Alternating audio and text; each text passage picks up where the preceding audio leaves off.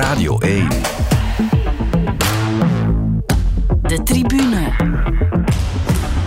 Met Gert Geens. Een heel goede avond.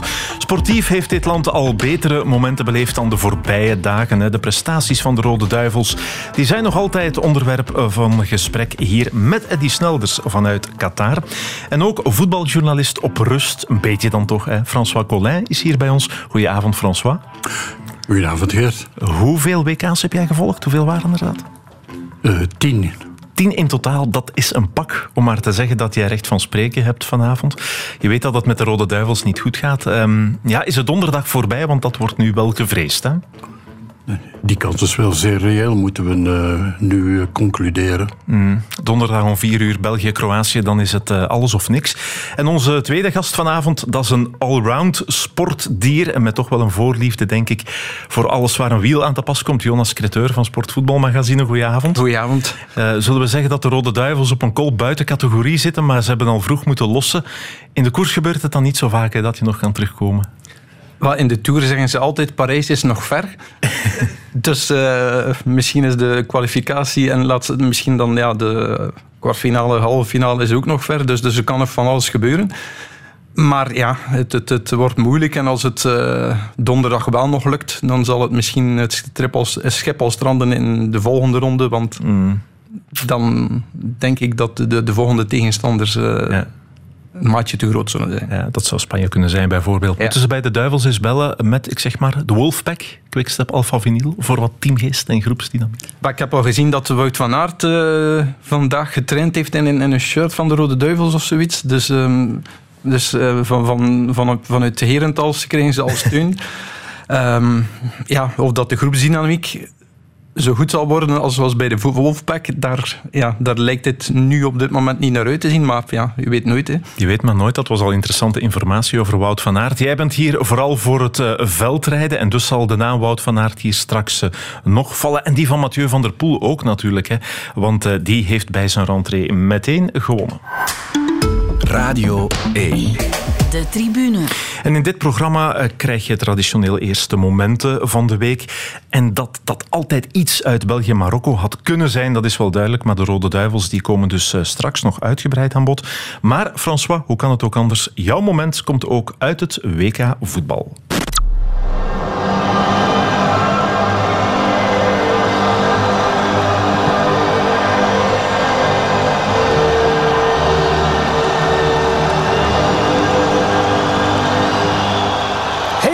Kabal in het stadion. Ik weet niet of dat meezingen was. In elk geval applaus. U zag het bij de spelers van Iran. De lippen stijf op elkaar. Een vorm van stil protest. Zo moest dat toch worden geïnterpreteerd. Werd ons uh, verteld de voorbije maanden tegen de toestanden in hun land. Natuurlijk ook vandaag nog berichten over zware rellen. Betogers die op een gewelddadige manier door de politie werden behandeld. Doodstraffen die zijn uitgesproken. Dat soort dingen allemaal. Helaas, Iran een beetje een verscheurd land. De spelers van Iran zingen eerst het volkslied mee, daarna in de volgende wedstrijd uh, uh, weer wel. Eerst dus niet, daarna wel. Waarom heb je dit gekozen? Ik vond dit zo opmerkelijk omdat dit van uh, bijzonder veel moed getuigde. Um, als je weet wat er allemaal in Iran aan de hand is. En dat stak schril af met een aantal West-Europese landen zoals België die van plan waren om de aanvoerder die uh, uh, One Love uh, armband te laten draaien, dragen, maar daarvoor terugschrikten voor, uit vrees voor een gele kaart. Mm -hmm. Maar kan je dat bij de spelers leggen? Nee, maar ja, je moet wel op een bepaalde manier toch duidelijk maken waar je voor staat. En eh, in de afspraak had eh, de CEO van de voetbalbond, Peter Boshaert, heel duidelijk gezegd dat ze dit gingen doen, dat ze niet gingen terugkrabbelen. En dan gebeurt dat toch. Je had op een andere manier ook nog uh, kunnen uh, op, uh, je, je, verbondenheid tonen met de mensen die bij de bouw van de stadions betrokken waren. Maar ze, ze, hebben dan nog die ploegfoto genomen in de shirts, dat dan nog wel? Ja, dat was dan toch nog een, een gebaartje, ja. ja. Duitsland heeft de hand voor de mond gehouden, Duitse spelers? Ja, dat was wel eh, iets dat de wereld is rondgegaan en al eh, meer impact eh, had dan die gekleurde shirts van de Rode Duivels. Ja. Het boek Nooit meer Qatar is trouwens mede van jouw hand. Hoe kijk jij naar hoe de FIFA het protest in de kiem gesmoord heeft? Of het nakende protest met de armband? Ja, ze hebben dat heel professioneel gedaan eigenlijk. Ja, want eh, ze hebben eh, hun slag eh, thuis gehaald. Ehm, ja, dreigen met gele kaarten en sancties voor de spelers. Ja, het is echt schandelijk, vind ik, maar ja, wel efficiënt gebleken. Ja, en ehm, zou het dan een precedent kunnen zijn? Je weet maar nooit, want de FIFA heeft nu gezien, dit werkt wel. Eh, ja, absoluut, ja. Eh, eh, Puur reglementair hadden ze natuurlijk wel een poot om op te staan. Maar de sancties zijn normaal boetes en geen sportieve sancties. En ja, we weten al langer dat FIFA ja, zeer autoritair kan zijn en gewoon altijd zijn zin doordrukt. Ja. Je zei, de, de voetballers van Iran waren zeer, zeer moedig. Ehm, er was op het WK zelf al wat heisa tussen Iraanse fans onderling. Tussendoor is dan ook nog eens een voetballer ex-international opgepakt in Iran. En morgen dan nog die wedstrijd tegen de Verenigde Staten. Daar hangt ook spanning rond, hè? Dat is een eh, zeer beladen eh, duel om, eh, om meerdere redenen. Ehm, ja, heel benieuwd hoe dat, dat eh, gaat verlopen. Hoe dat die spelers ook eh, voor de wedstrijd zich gaan eh, gedragen. Of ze opnieuw op een of andere manier een vorm van protest gaan laten blijken. En het, is, eh, het is al spannend voor de wedstrijd. Ja, helaas, inderdaad. De tribune. En dan is de beurt aan jou, Jonas Creteur. Ik ben ook bijzonder opgetogen, moet ik zeggen, met jouw moment, omdat we te midden van de airco in de voetbalstadions dan ook eens kunnen stilstaan nu bij de wintersporten. Let's focus on the main event now for the American fans here, looking for World Cup win number 77. Michaela Schifrin, last to ski the second run. She's never lost a slalom here in Killington, five times the winner. She won both events in Levy on Saturday and again on Sunday. Last weekend in Finland. She's looking cool as a cucumber so far. Nothing looks like it could shake Schifrin today. Tight on that gate. Skis drifting a little bit sideways, and it's oh. very, very tight. 400, there's absolutely nothing in it. A nail biting conclusion to this Killington slalom. Every fan is on their feet, and it looks as if we might at last get a win for Sven Larsson and Holdener. Can Schifrin turn it on? No! Schifrin is fifth. Sven Larsson and Holdener have finally broken their duck with a joint win. We hebben de Revenaar kunnen luisteren, wel bijna een minuutje, maar toch zullen veel mensen, Jonas, nog wat meer uitleg nodig hebben, denk ik. Ja, ehm, het gaat gisteren over de um, wereldbeker slalom in Killington, de Verenigde Staten, waar Michaela Schifrin, de grote Amerikaanse vedette, ja, absoluut de topfavoriete was. Want ze had al vijf keer gewonnen in Killington, nog nooit verloren. Ehm, ook de voorbije twee wereldbeker slaloms dominant gewonnen.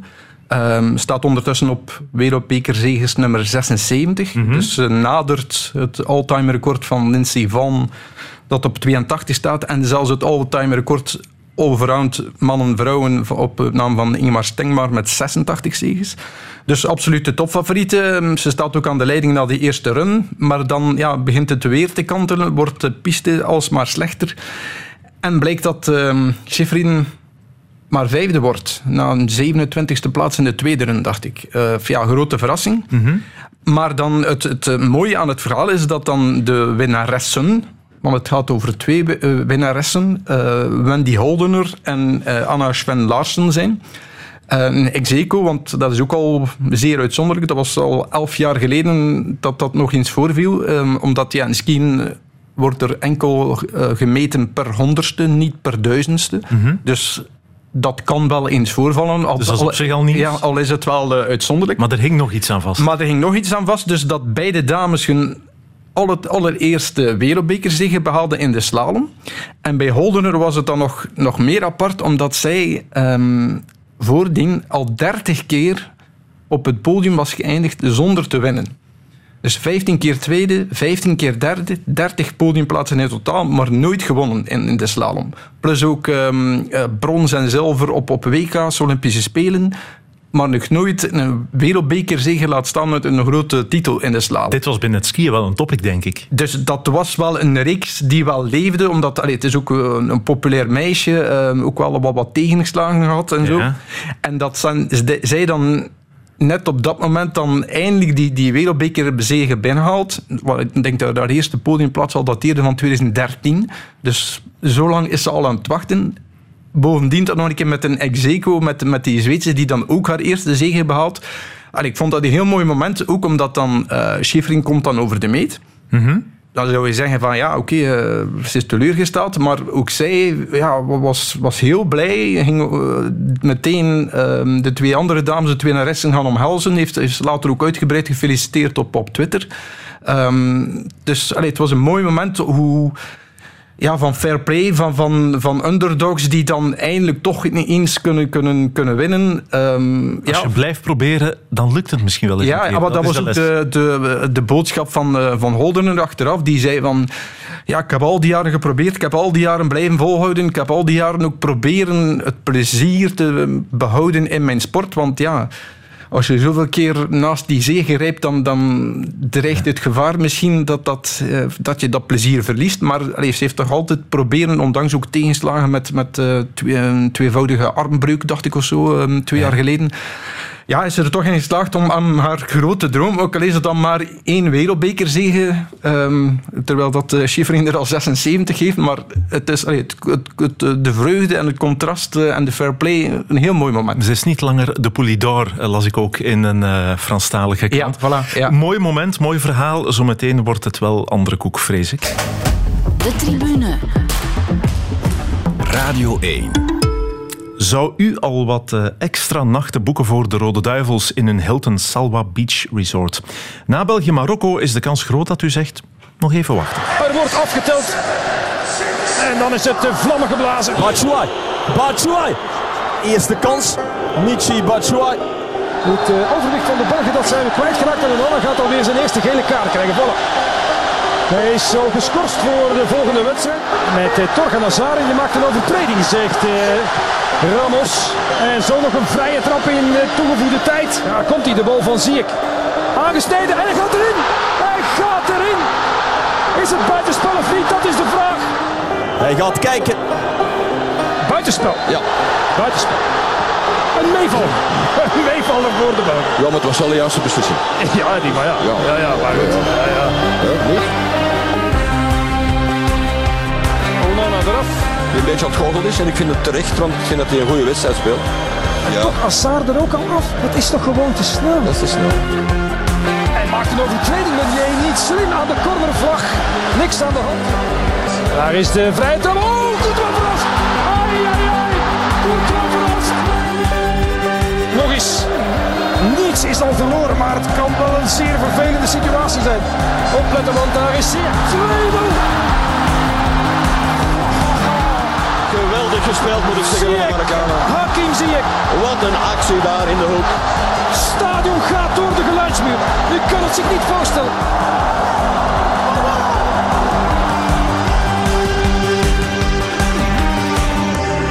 Op dit moment spelen we niet hoe we gewoon zijn te spelen. We zitten met veel te veel schrik. We willen de bal te snel kwijt. Dus veel te veel onzuiverheden. En, en ja, we krijgen niks gecreëerd. En eh, ja, dan eh, krijg je deksel op de neus. Ja, is gewoon.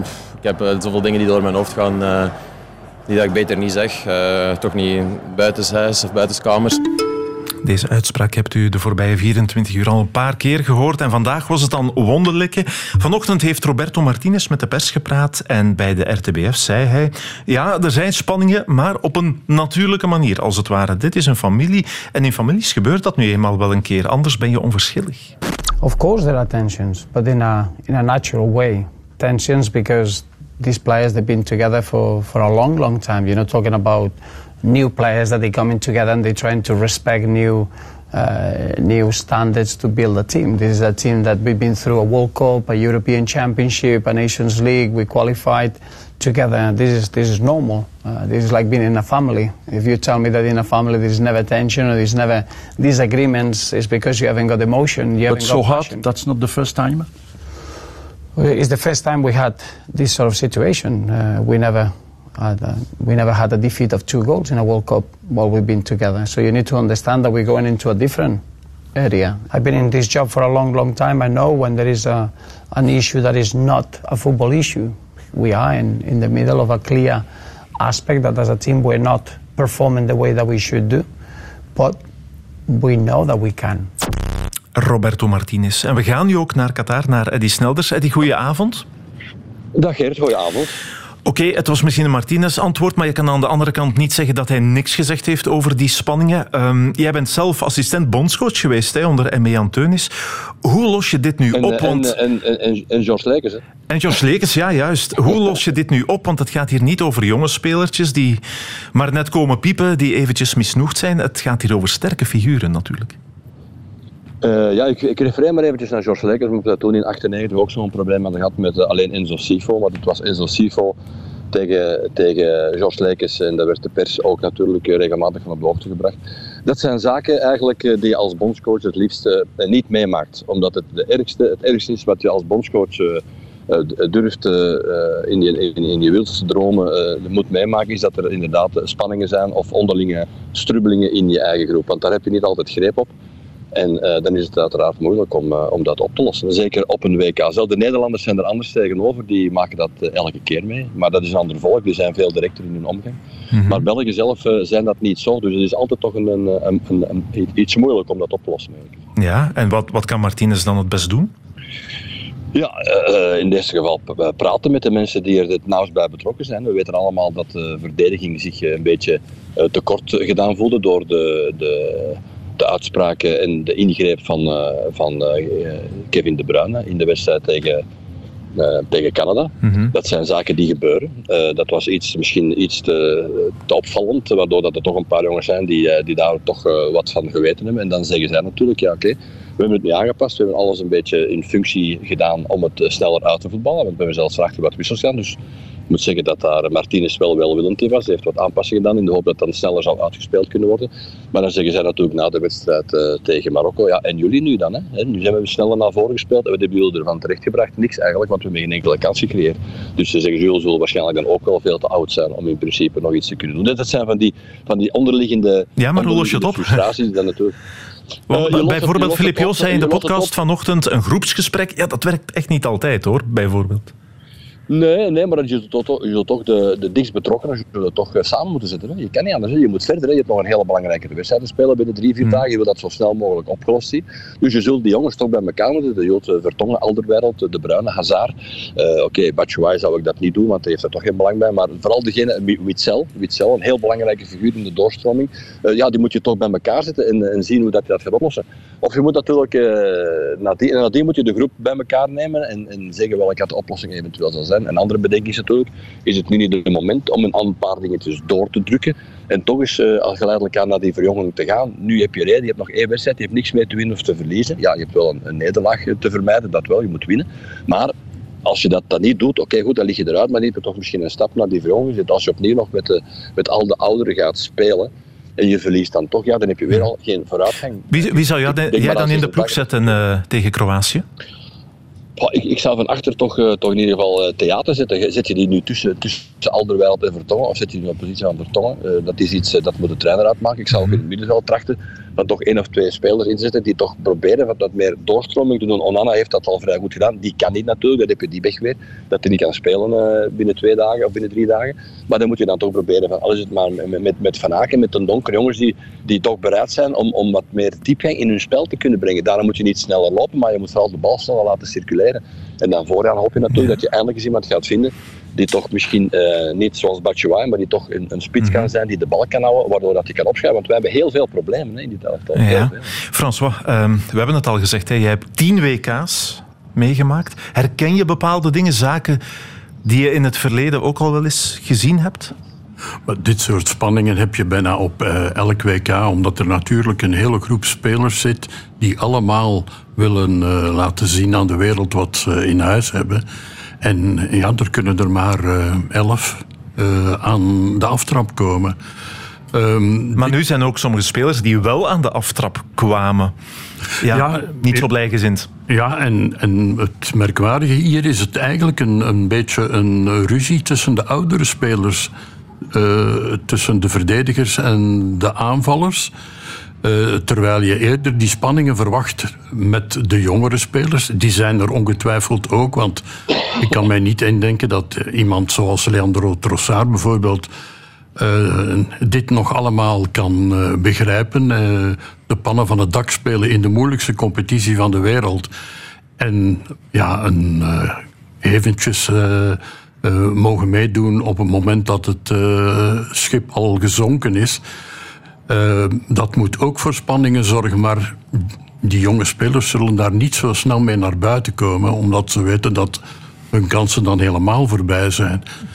Uh, dit doet mij vooral denken een beetje aan de Wereldbeker in Mexico in 1986. Mm -hmm. uh, waar het ook uh, allemaal in de eerste wedstrijden niet uh, liep zoals het hoorde. En uh, waar dan toch ook uh, een aantal jongere spelers zijn ingebracht. Maar het probleem is ook toen voor Gitijs, die bondscoach was, dat ja, puur menselijk uh, is dat heel moeilijk om jongens die voor jou, om het zoals Louis van Gaal zegt, geleverd hebben, om, om die opzij te schuiven.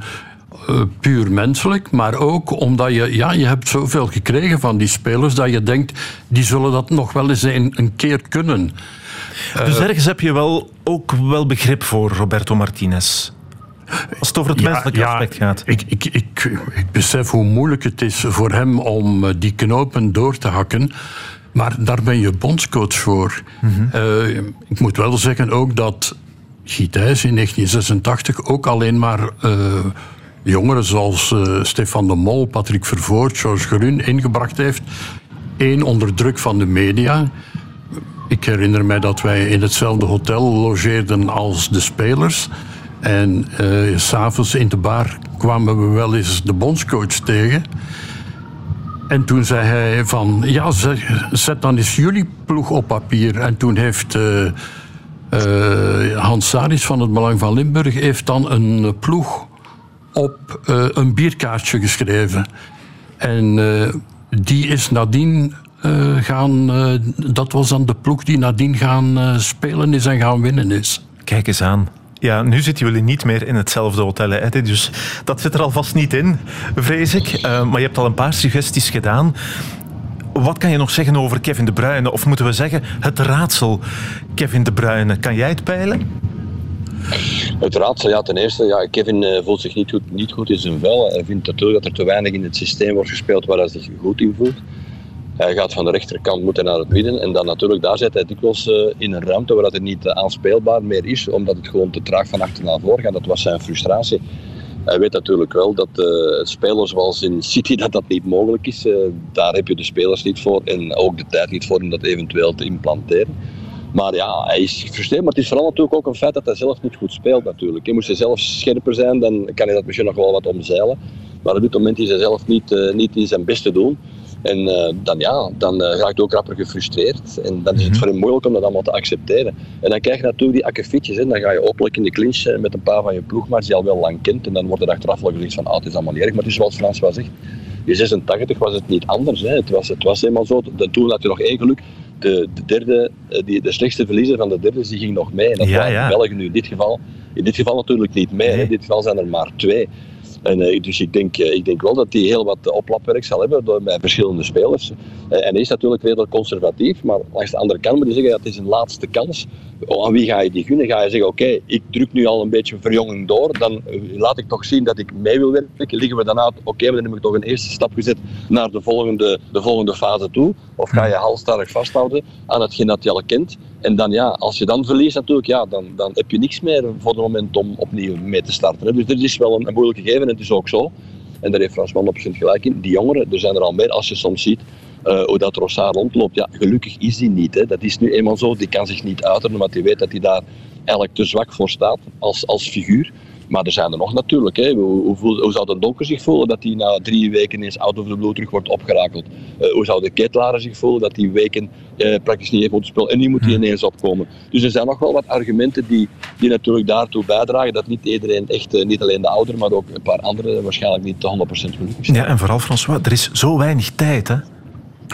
Ja, ehm, de aanloop naar dit WK is ook bijzonder kort geweest, want anders was er misschien meer mogelijkheid geweest om een en ander uit te praten. Maar dan wordt gezegd dat geldt voor heel veel andere landen ook. Ja, absoluut, ja. ja.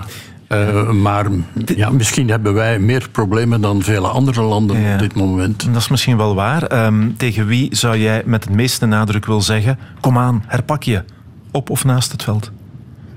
Ja, ik denk dat we vooral van eh, de topfiguren mogen verwachten dat ze zich herpakken. En dan beginnen we bij, eh, bij Kevin De Bruyne. Want eh, ook al zit het ongenoegen diep, ja, je moet zelf wel presteren, want anders heb je ook weinig te zeggen. Mhm. Er komt heel veel kritiek op de bondscoach. Ik ga het jou op de man afvragen. Is het volgens jou wenselijk om na dit WK een punt te zetten achter het tijdperk Martinez? Weliswaar wetende, het is mooi geweest. Het heeft een derde plaats opgeleverd in Rusland. Maar nu eindigt het beter. Wat vind jij? Ook als we de tweede ronde bereiken, vind ik dat het mooi is geweest. Het is een vrij lange periode geweest eh, in, in het wereldvoetbal dat, eh, dat je dezelfde bondscoach hebt. Eh, bovendien eh, heeft hij bewezen de voorbije periode dat hij weinig vertrouwen heeft in die jonge spelers waar hij het dan toch mee zou moeten, moeten doen. Dus ook naar die, jongens, die jonge spelers toe zou het beter zijn dat er een andere bondscoach komt. Bovendien is het een bijzonder ongelukkige combinatie dat Martinez ook technisch directeur is. De technisch directeur die moet de lange termijn bewaken. De bondscoach moet op korte termijn eh, resultaten eh, behalen. En die twee gaan niet altijd samen, dus je kan dat niet eh, aan één man toevertrouwen. Mhm. Eh, zou deze groep, niet die van vier jaar geleden, hè, maar zou deze groep hier onder een andere bondscoach toch beter hebben kunnen presteren? Want als er kritiek is op de coach, de- dan wil dat zeggen dat je die vraag wellicht met ja beantwoordt. Maar je kan ook redeneren, ja, dit is misschien gewoon het einde van een cyclus. Ja, dat denk ik dat het is, maar dat betekent niet dat je geen betere resultaten had kunnen halen. Je had de voorbije, eh, laten we zeggen, twee jaar moeten eh, werken aan het inbrengen van jongere spelers, waardoor die nu klaar zouden zijn. Want als je nu tegen Kroatië plots er een aantal jongeren gaat ingooien en die gaan kopje onder, ja, dan gaat het commentaar misschien zijn van zie je wel, die zijn niet beter. Maar dan, dan is het ook voor een deel te wijten aan het feit dat je die niet eerder hebt ingepast. Ja, dan heeft dat daar voor een stuk ook mee te maken. Eddie, en ja, eh, die overgave, hè, die grinta tegen Kroatië, het zal nodig zijn ook, maar je mag wel nog altijd een WK-spelletje spelen. Hè. Een jongetje van acht springt niet één, maar honderd gaten in de lucht. Hè, Die als ze naar een WK zouden mogen, eh, wat jaren later.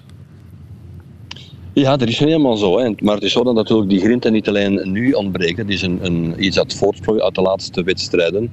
Eh, België is een, een ploeg geworden dat wel eh, veel aan de bal is, maar niet alleen in deze wedstrijden, maar ook voordien eigenlijk eh, altijd aan een laag tempo veel balbezit, maar niet altijd de nodige kansen creëerde, maar wel dikwijls dankzij een flits van een van onze wereldspelers, en vooral van Kevin De Bruyne, dat we dan toch nog eens de overwinning naar ons toe trokken. En dan werd er natuurlijk over de rest alles makkelijker gezwegen, want de pers bij ons zijn eigenlijk vrij lief Hmm. en stel niet zo heel veel kritische vragen aan, aan Martinez. Dus dit is niet iets dat van vandaag op morgen ineens gebeurt. Het spel dat we nu leveren, dat is iets dat al verschillende wedstrijden, Ja. en dan spreek ik al niet meer in- nabij aan, eh, inderdaad eh, van doen was. Dus dat is niets nieuw. Het zijn natuurlijk de spelers alleen, en dat begrijp ik, dat Martinez zich vooral houdt aan zijn spelers waar dat, die hij kent, die al veel voor hem betekenen, maar je moet ook bij momenten durven erkennen dat er op een zeker moment, ja, dat dat voorbij is of moeilijker wordt. En dan is, moet ik François gelijk geven, er waren wedstrijden genoeg. Je moet er geen 7 ineens in passen, maar dat je ze nu en dan eens links en rechts eh, iets, eh, iets kan inpassen. En dan ga je toch opnieuw hervallen naar de, bas, naar de Bas, die halstarrig toch nog twee, drie weken of twee, drie wedstrijden wil,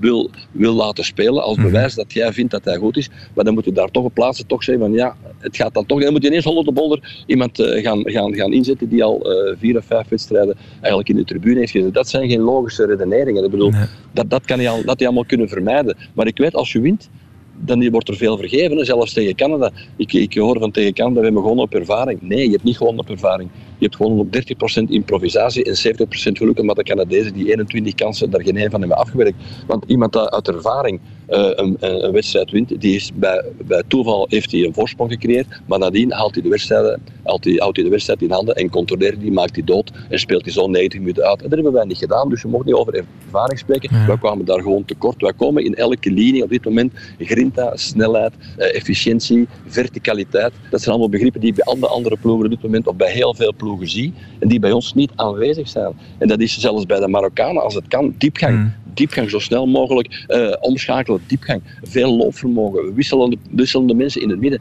Wij hebben dat op dit moment niet. Dat is heel pijnlijk, maar wij moeten alleen maar constateren dat wij op dit moment op dat niveau een beetje achterlopen. En niet een beetje, eigenlijk redelijk ver. Dus het is niet zo evident om dan te zeggen, we zullen dat morgen eens... Ik kan wel de vuist ballen en zeggen, oké, we laten alles achter ons. En we zullen, het kan, in voetbal kan heel veel. Maar het is niet zo vanzelfsprekend. Ja, in 2013 konden de Duivels zich plaatsen voor een eerste groot toernooi sinds lang, 2K in Brazilië.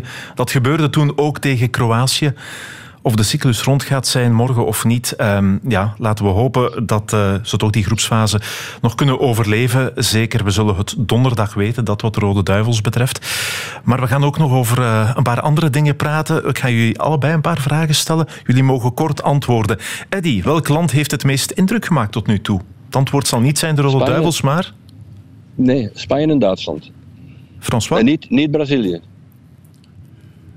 Uh, Spanje toch wel, vind ik, ja. ja. Twee keer Spanje, waarom niet Brazilië, Eddy?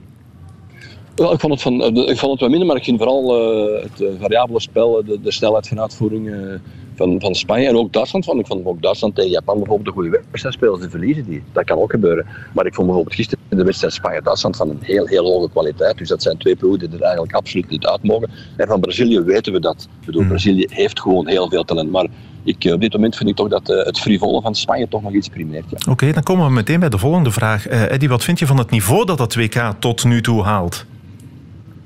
Ik vind wel de meeste wedstrijden halen wel. Ik vind het een, een, een, WK die wel vergelijkbaar is, maar François heeft er meer ervaring heeft, want hij heeft er veel meer meebeleefd dan ik. Maar ik vind het een, een, een toernooi waar dat uh, goede wedstrijden zijn, maar je hebt er natuurlijk altijd minder. Hè. Je hebt ook de, de verschrikkelijke schoppartij tussen Argentinië en Mexico. Dat ja. was dan weer een, uh, van een ander niveau. Als je, als je dat op de televisie was dit de man te zien in het stadion, waar Peter en ik, Peter van den Bemt en ik zaten, was het wel natuurlijk een, een heel andere beleving. Maar, maar ik vind wel over het algemeen ook de kleinere ploegen. Uh, het is niet meer zo op een paar uitzonderingen na dat ze zomaar worden weggespeeld. Je hebt er ook wel bij die nog inderdaad uh, nog redelijk goed uit komen, die veel losvermogen hebben. Als ik aan, aan Amerika denk, als ik aan Ecuador denk bijvoorbeeld, dat zijn toch ploegen die, die, ja, die heel, heel, heel gedreven en met, met veel diepgang spelen. Dus ik vind wel dat er een, een, op dat gebied een goede evolutie is. Maar in vergelijking met andere WK's denk ik dat je dat altijd hebt in de eerste ronde. Hè? Dat die goede wedstrijden en minder wedstrijden, dat die elkaar wel wat afwisselen. Ja. Kan jij daarbij aansluiten? Ja, mij valt het wel een beetje tegen. Maar dat komt misschien omdat ik nu veel meer wedstrijden zie dan wanneer ik naar het WK ging. Want dan ben je vaak onderweg, vaak naar trainingen van de Rode Duivels. Uh, je ziet dan de wedstrijden van, uh, van de Belgen uiteraard. En je, je zorgt er ook voor dat je de echte grote affiches, dat je die ook kan bekijken op televisie. Maar je ziet niet uh, alle wedstrijden zoals nu. Ik heb nu vier, uh, vier wedstrijden per dag gezien. En dan waren er toch veel wedstrijden bij die mij tegenvielen. Hmm, maar... ik, vind, ik vind ook dat er vrij weinig gescoord wordt. Behalve, vandaag was nu weer een, een uitzondering. En we hebben die, uh, die 7-0 gehad van Mhm. Spanje tegen Costa Rica. En de 6-2 van Engeland tegen Iran. Maar dat zijn uitzonderingen. Voor de rest wordt er ja, vrij weinig gescoord, vind ik. Het is waar. Ik heb van jullie gewoon één naam nodig. Van welke speler, uh, François, hoop je dat hij de finale haalt? Van wie genieten jullie? Ja, ik, ik ga hier een open deur intrappen, denk ik. Maar Messi toch, uh, eigenlijk, ja. Ja, Eddie? Ja, waarom laat je mij niet eerst antwoorden? Dan kan. Je had er net al de kans gekregen om eerst te antwoorden. Oké, twee keer Lionel Messi. Eh Eddie Snelders, dankjewel. Maar, maar, ze gaan de, maar, ze gaan de, maar ze gaan, Gert, ze gaan de finale niet halen. Want de ploeg op zich is eigenlijk, eh, is, is eigenlijk minder sterk Ja, ja, ja. dan dat we voorhand hadden voorgeschreven. Maar, maar ik hoop het voor hem. Dat zou toch een geweldige, een geweldige kers op, de, op die gigantische taart zijn die hij voor zichzelf al, eh, al eh, ge- gebakken heeft. Het zal wel zijn, inderdaad. Maar het is inderdaad wel afwachten of ze de finale halen. Eddie, dankjewel. Slaap lekker daar in Qatar. Jonas, jij kijkt op een andere... Gert? Groetjes, daar. Jonas, jij kijkt op een andere manier naar het WK. Hè? Ook door een Amerikaanse bril, eh, heb ik gehoord. Vertel. Wel ja, ik, ik volg nogal de Amerikaanse media en eh, daar was mij vandaag een, een opvallend bericht. ehm, heb ik een opvallend bericht gezien over de match eh, van afgelopen vrijdag tegen Engeland. Eh, dat was op Thanksgiving Friday, dus holiday in de, in de Verenigde Staten. Dus heel veel mensen thuis voor, de, voor de televisie. En nu blijkt dat ehm, die match eh, 15,3 miljoen kijkers heeft gelokt. En dat is, Is dat met- naar Amerikaanse normen dan eh, veel wel? dat is naar Amerikaanse normen veel. Ehm, dus ze hadden een piek van 19,6 miljoen, dus een gemiddeld 15,3. En dat is de best bekeken voetbalwedstrijd ooit in de Verenigde Staten. Nog 6% meer dan de WK-finale van 94 in de VS. Ze leven misschien al een beetje toe, wie weet. Naar Ja, en toen ook ja, het, het medialandschap, eh, alles was op kabel. Nu is er veel meer gefragmenteerd met, met streamingdiensten enzovoort. Dus dat is een opvallend hoog cijfer. Alhoewel dat er nog altijd in het niets valt met... ehm, met bijvoorbeeld eh, American Football, want op diezelfde dag werd dan ook een NFL-wedstrijd, ook op Fox, uitgezonden. En die trok toen eh, 42 miljoen eh, kijkers. Dus daar zit nog wel wat. Dus daar zit nog wel, wel, wel rek op. Maar ehm, dit is wel een cijfer, 15,3, die een, een gemiddelde NBA-finale wedstrijd waarmee je perfect kan vergelijken. Dus ehm, Het begint wel weer te groeien, blijkbaar. het begint Dat wel weer te groeien, inderdaad. Ja. Ja. Radio 1. De tribune. Jonas, over een minuutje of tien gaan we met jou over veldrijden praten. Maar we blijven nog even bij het voetbal. Want in een periode als deze lijken alleen de matchen in Qatar van tel. En ja, precies daarom willen wij het hier een keer hebben over een prestatie in eigen land. Over een perfect rapport. En niet zomaar 3 op 3 of 12 op 12 of wat dan ook. Maar 33 op 33. Elf overwinningen op een rij. Dat is wat Oud-Heverlee Leuven voor elkaar gekregen heeft in de Super League. Speelster Ella van Kerkhoven, goedenavond. Goedenavond. En toch zijn jullie nog lang geen kampioen. Hè? Dat kan mensen die het niet zo volgen verbazen, denk ik. Ja, ik denk het ook. Eh, nee, dat klopt. Ja, we zijn nog lang geen kampioen. Ehm, in België spelen wij met een, met een play-off systeem. En ja, als je dan inderdaad met twee ploegen uitkomt, ja, zowel wij als Anderlecht eh, zitten heel kort bij elkaar nog. Dus dan worden die punten nog gehalveerd. Ja, en dan, eh, dan blijft dat toch heel weinig, laat Ja. ik het zo zeggen. Anderlecht zit jullie nog op de hielen. Die hebben net niet het maximum. Jullie dus wel. In welke mate, Ella, leeft dat eigenlijk in de groep om, om dat maximum zo lang mogelijk vast te houden? Om eerlijk te zijn, ik denk niet dat we daar super hard mee bezig zijn. Ehm, Maar de trots is toch wel aanwezig, neem ik aan. Ja, ja, zeker en vast. Zeker en vast. Dat is ook iets waar dat je heel trots op mag zijn als ploeg, denk ik. Eh, maar de weg is nog heel, heel lang. Ja, dat is wel waar. Hoe moet ik me jullie wedstrijden voorstellen? Voetballen jullie dan meestal op de helft van de tegenstander? De grotendeel van de wedstrijden wel. Wat dat het natuurlijk ook niet super gemakkelijk maakt. Je maakt de ruimte voor jezelf natuurlijk ook wel wat kleiner. Maar tegen bepaalde ploegen, zoals een Standaard, een Brugge, een Anderlecht, spelen wij gewoon eh, een wedstrijd zoals een ander die op en af gaat. Ehm, en waar, dat we, waar dat we ja, het hele spelveld mee gebruiken hoor. Wat was jullie moeilijkste wedstrijd tot nu toe? Tot nu toe overduidelijk Anderlecht. En ik denk dat Standaard eh, helemaal in het begin van het seizoen ook een hele moeilijke wedstrijd was.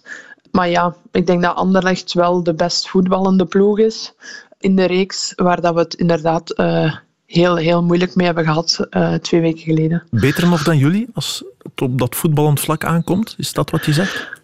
Ehm, ik denk dat beter voetballend weet ik niet goed. Eh, ik denk dat we elkaar zeker en vast aankunnen. Maar ik denk dat er meer maturiteit eh, leeft nog op Anderlecht. Er zijn een, een heel deel eh, oudere spelers, terwijl wij met nog wat jeugd rondlopen, dat heel veel talent heeft en heel veel potentieel heeft, maar gewoon ook nog aan het groeien is en hard aan het werken is.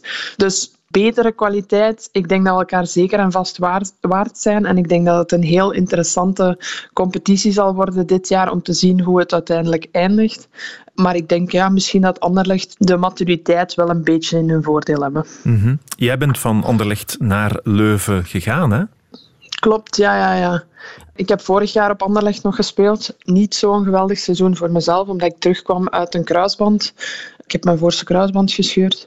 Maar uh, ja, ik heb daarvoor ook de allereerste jaren dat Anderlecht kampioen gespeeld heeft, uh, die heb ik zelf ook mogen meemaken. Mm. En Leuven, was dat dan een, een, bewuste keuze, Ella? En dan zitten we misschien meteen bij de verklaring uh, van het succes ook voor een stuk. Uh, ja, dat was, uh, voor mij was dat wel een bewuste keuze. Ook gewoon omdat ik, uh, ik ben iemand die, die als, als voetballer altijd toch nog het uiterste opzoekt. Um, ook al word ik al wat ouder. Um, ik denk dat ik altijd nog het beste uit mezelf wil halen. En Leuven heeft gewoon een, een, een doel voor ogen dat het nog niet gehaald heeft. Uh, en ik denk dat dat mij als speler gewoon ook wel motiveert om het beste uit mezelf te halen. Ja, wat is dat doel dan? Titel pakken? De beste van België zijn? Uh, ja, ik denk het wel. Ik denk dat Leuven daar al drie jaar hard aan aan het werken is um, en aan het groeien is um, naar die titel. Uh, en ik denk dat, dat we dit jaar ook wel gewoon hebben uitgesproken. Kijk, we willen die titel pakken. Dus um, ja, dan, dan is dat wel inderdaad een van de redenen waarom dat ik naar Leuven gekomen ben. Ja. En zie je dat ook in de manier waarop het vrouwenvoetbal in Leuven, hoe dat eraan toe gaat, hoe jullie werken? Kan je daar eens iets over zeggen? Hoe professioneel is dat? Ja, dus het verschil, ik denk dat het verschil tussen Leuven en Anderlecht op dat vlak ook wel bijgedragen heeft naar de keuze die ik gemaakt heb om naar Leuven te gaan. Uh, wij trainen nu ook overdag. Um, wat dat in veel vrouwenclubs ook nog moeilijk is, omdat je nog werkt of je studeert nog meestal um, in het vrouwenvoetbal. Uh, Leuven heeft daarvoor gekozen om toch overdag te trainen en op die manier ook wat meer rust in te plannen voor speelsters, wat, wat dat het wat professioneler maakt natuurlijk. En wij trainen ook vijf keer in een week, wat dat in, het vrouwenvoetbal ook uh, stilletjes aan wel meer aan het worden is. Maar ik weet dat ik bij Anderlecht drie keer trainde, um, waar dat ik er nu vijf train dat maakt natuurlijk ook wel een verschil, omdat je meer trainingsmomenten hebt en meer momenten hebt om samen te groeien. En qua omkadering, zitten er daar ook uh, verschillen op? Uh, ja, daar is het misschien nog iets anders op, uh, op Anderlecht. Um, ik denk dat, dat qua omkadering gewoon in het vrouwenvoetbal uh, met algemeen nog heel wat stappen nodig heeft om echt tot het, tot het uiterste te kunnen gaan in de prestaties die dat we moeten leveren. Dan praat ik over, um, wij hebben voor, voor 25 speelsters één kine. Is natuurlijk heel anders uh, als in het mannenvoetbal, maar we blijven wel met ja, heel veel mensen om door één iemand behandeld te worden. Dus ik denk dat we op medisch vlak nog een heel, een heel stuk vooruit kunnen. En ook op, uh, op infrastructuur denk ik dat we nog verschillende stappen moeten nemen. We spelen nog vaak op Leuven ook op kunstgras. Dat zijn stappen die we moeten nemen um, om, om, om ons lichaam beter te laten zijn, uh, zou dan zijn om op, om op gras te spelen natuurlijk. En daar, daar zijn we in aan het groeien, maar daar zijn nog heel veel stappen in te nemen. Mm -hmm. Maar in Leuven hebben ze wel een tandje bijgestoken, dat mag ik dan wel zeggen. Zijn dat dan keuzes die andere clubs nog niet kunnen of willen maken op dit moment? Um, ja, ik denk dat het ook vooral gaat over kunnen maken. Ik denk dat heel veel clubs uh, in het vrouwenvoetbal dat wel willen, maar waar dat de financiële middelen misschien nog niet zijn wat dat ze moeten zijn, of waar dat het, ja, waar dat het gewoon ook op andere, uh, anders verdeeld wordt. Ik weet dat wij dat ze op Leuven hebben ingezet op, uh, op speelsters, de aankoop van speelsters, en ervoor zorgen dat, dat de kern breed is met, met veel kwaliteit in. Maar in het vrouwenvoetbal moet je gewoon soms keuzes maken. Zijn de, ja, als je dan inzet op speelsters, moet je misschien wat afgeven op, in, op infrastructuur of op, uh, of op medische begeleiding. Um, en jij zou en, het graag zien gebeuren dat misschien in een volgende fase ook in Leuven daar het accent dan op komt? Ja, maar ik denk Leuven is ook een club die daar wel mee bezig is. Um, en ik, ik kan zelf ook wel spreken over.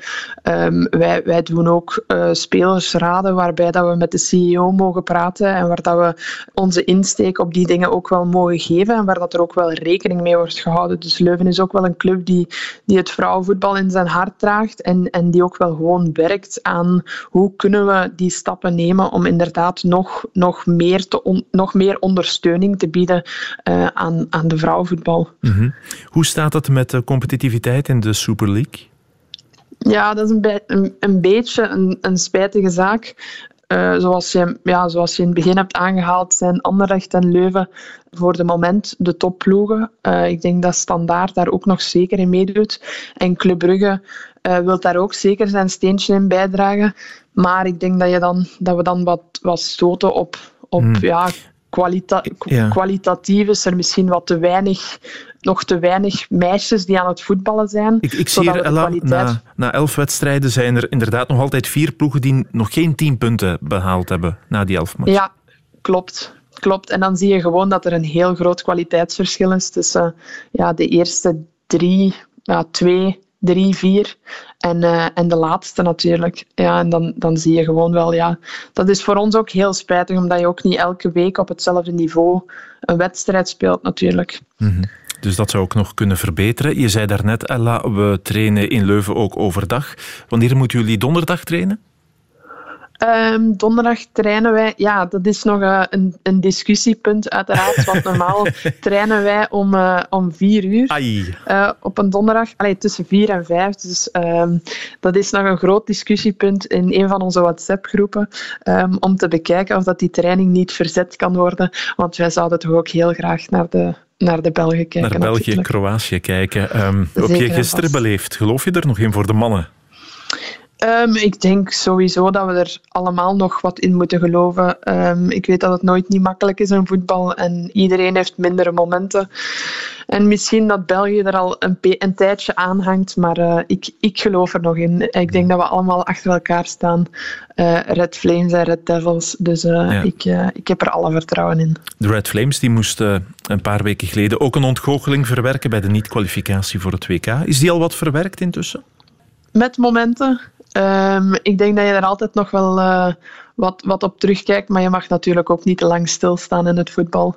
Ja, ik denk dat we die wel gewoon moeten verwerken en moeten doorgaan naar, naar het volgende. En ik weet dat het nog... Het duurt nu nog even eer dat we terug uh, kwalificaties hebben voor het EK. Ik denk dat het volgend jaar in september pas is. Maar er zijn nog enkele leuke dingen waarop we ons kunnen focussen. We gaan meedoen in februari met de Arnold Arnold Clark Cup in Engeland. Dus ja, dat zijn, dat zijn allemaal dingen waar dat we ook gewoon nog verder in moeten groeien als Red Flames zijnde. En dat zijn momenten waar dat we naartoe kunnen werken om dan echt wel beter te doen in het volgende EK. Ja, en eerst staat u wel ook in de eigen competitie, wellicht met Anderlecht. Dankjewel voor het gesprek, Ella van Kerkhoven. Met veel plezier, dank u dat ik er mocht zijn. Radio 1. De tribune. En nu gaan we de bal in het ballenhok of kot leggen en toch ook eens naar het veldrijden kijken. Mathieu van der Poel en een dag eerder in Kortrijk Tom Pitcock, dat waren de winnaars van dit weekend. En Mathieu van der Poel won dus meteen bij zijn rentrée in het veld. Jonas Creteur, welke Mathieu van der Poel heb jij gisteren gezien? Een uh, Mathieu van der Poel waar de gretigheid en het plezier van afspatten dat was zeer opvallend. En toch was hij nog streng voor zichzelf. En op toch was hij nog streng voor zichzelf, omdat ja, wat niet eens onlogisch is, dat hij na, blijkbaar had hij nog maar drie crosstrainingen gedaan, zelfs nog niet eens in, in nat, natte weersomstandigheden. Dus dat hij zelfs een acrobaat als hij dan ook die fouten maakt, uh, ja, dat is niet eens onlogisch een beetje te veel naar zijn zin en dan was hij inderdaad wel streng. Maar anderzijds zag je wel ja, het, het plezier dat, dat van hem afstraalde. En, en één quote eh, vond ik wel zeer opvallend, dat hij zei van ja, ik doe dit tien keer liever dan elke training op de weg. En dat blijkt ook, ook uh, ja, van, van der Poel, de cross, dat is zijn eerste liefde. Dat ja. hij al doet van, van toen hij zes, zeven, acht jaar was. heeft altijd alles gewonnen.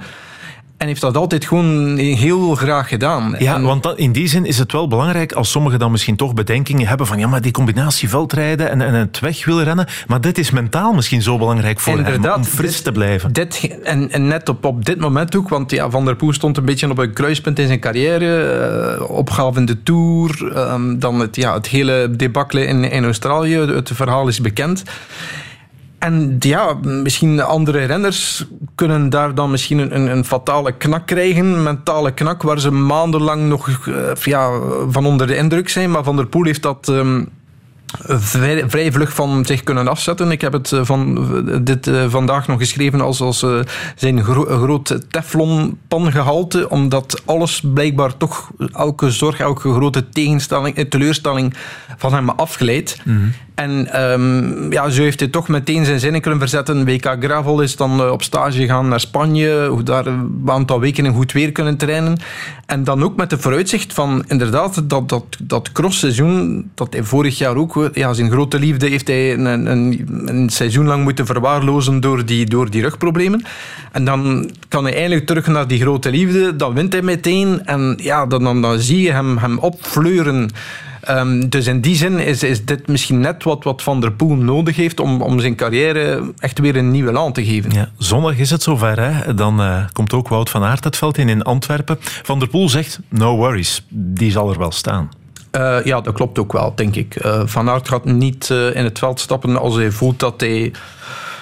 eh, winnen is misschien veel gezegd, zeker dan tegen een Van der Poel, maar eh, niet voor, voor een vijfde plaats. Dus, dus Van Aert... eh, Ook voor hem blijft dat winnen in het veld nog altijd het belangrijkste. Ja, hoewel dat er voor hem, hij zegt het zelf ook, er, hangt, er zit veel minder druk op. Zeker, toch nu die voorbereidingswedstrijden tussen haakjes, want blijkbaar telt alleen het, het WK ook. Ehm, en dat is ook waar. eh, op het einde van de carrière zal niemand nog herinneren dat wie er zondag in, in Antwerpen gewonnen heeft. Dus dat WK is absoluut het grote doel. Maar Van Aert is, is een competitiebeest, zoals eh, Van der Poel dat ook is. Dus Van Aert gaat er alles aan doen om, om, om zondag te winnen. Of hij conditioneel goed zal zijn, dat is misschien nog de vraag. Ehm, ik heb even zijn, zijn Strava-account bekeken van de laatste weken. Ja. En ja, dan blijkt toch dat hij ehm, de laatste vier weken gemiddeld eh, 640 kilometer heeft getraind op de fiets. Dus gemiddeld zo'n 20 uur per week. Eh, ook nog een keer twee loopsessies per week ehm, van, an- van eh, samen een anderhalf uur. Eh, vandaag 40 kilometer op de weg met krachttraining. Gisteren een, een, een, eh, training van 140 kilometer op zijn gravelfiets. Zaterdag 40 kilometer crosstraining en 70 kilometer eh, snelheidstraining. Dus je ziet wel dat Van Aert ook die trainingen langzaam aan, aan het opbouwen is. Dat hij in topvorm zal zijn, ja, zeker nog niet. Ehm, dus wellicht zal, zal de echt- echte clash dan pas in, in de kerstperiode volgen. Maar zelfs, eh, ja, zelfs Ja. zondag wordt, wordt het al interessant eh, in Antwerpen. Ja, we willen niet voorbarig zijn, maar zou het kunnen dat er dan inderdaad vanaf nu wat minder overwinningen gaan zijn? Ja, zeker voor de ploeg van Jurgen Mettepenningen bijvoorbeeld, eh, met Elie Iserbiet en Michael van Toornhout. Welke tussentijdse balans mogen zij opmaken? Ik heb ehm, voor het seizoen een interview gehad met, met uh, Elie Iserbiet. En die, zei, die was daarin heel eerlijk. Mijn doel van het seizoen is om op het toppunt van mijn, punnen, van mijn kunnen te presteren voor de grote drie eraan komen. Dus, dus bij Iserbiet is dat een klein beetje eh, ja, in het honderd gelopen door, door, die, rug, door die rugproblemen. Um, anderzijds heeft hij in het begin van het seizoen wel, wel een aantal mooie overwinningen behaald. Um, Michael van Toernout was dan, ja, heeft dan misschien de twee mooiste zegens gepakt. Um, EK, Overijse, telkens op, op, op een prachtige manier. Dus voor hen is het, ja, is, het is verre van mislukt, in tegendeel. Maar die kans bestaat nu wel dat... Ja, dat uh, voor alle wedstrijden waarin de grote drie, of één van de twee, of twee van de drie grote drie zullen meedoen, dat, er, ja, dat uh, de overwinning telkens naar en of Van Aert, of Van der Poel, of eventueel dan nog uh, Pitcock zal gaan. Ja. En ja, een Laurens Week die mag tevreden zijn, denk ik, voorlopig. Um, de anderen ook, of sommige in mindere mate? Wat is die tussentijdse balans? Bah, Zweek, Zweek rijdt het ongetwijfeld het beste seizoen uit zijn carrière. Heeft, heeft uh, vier, um, uh, vier klassementscross gewonnen. Uh, dat is al bijna evenveel als, als de zes in, in alle voorgaande jaren samen. Dus je ziet ook dat, dat Zweek ook op parcoursen die hem niet 100% liggen, dat hij daar ook tweede, derde wordt. Um, Dus uh, hij rijdt ongetwijfeld heel sterk. Van der Haar is 15 keer op rij op het podium geëindigd. Een reeks die, die alleen Van der Poel en Van Aert dus, uh, de laatste jaren hebben neergezet. Weliswaar dan maar met, met, met één grote zege. Dus, dus um, ja, die, die, die kleine grote vier hebben heel goed gepresteerd. Maar ja, nu is het tijd voor... Um, de echte grote drie dan. Nu het inderdaad echt tijd voor de grote drie. Ik dank jullie allebei voor de komst. Uh, François Collin en Jonas Creteur. Hetzelfde doe ik met u, beste luisteraar. En er is ook de dagelijkse WK-podcast van Jonathan Mettepenningen. Die is elke ochtend te vinden op VRT Max. Tot bij een volgende gelegenheid.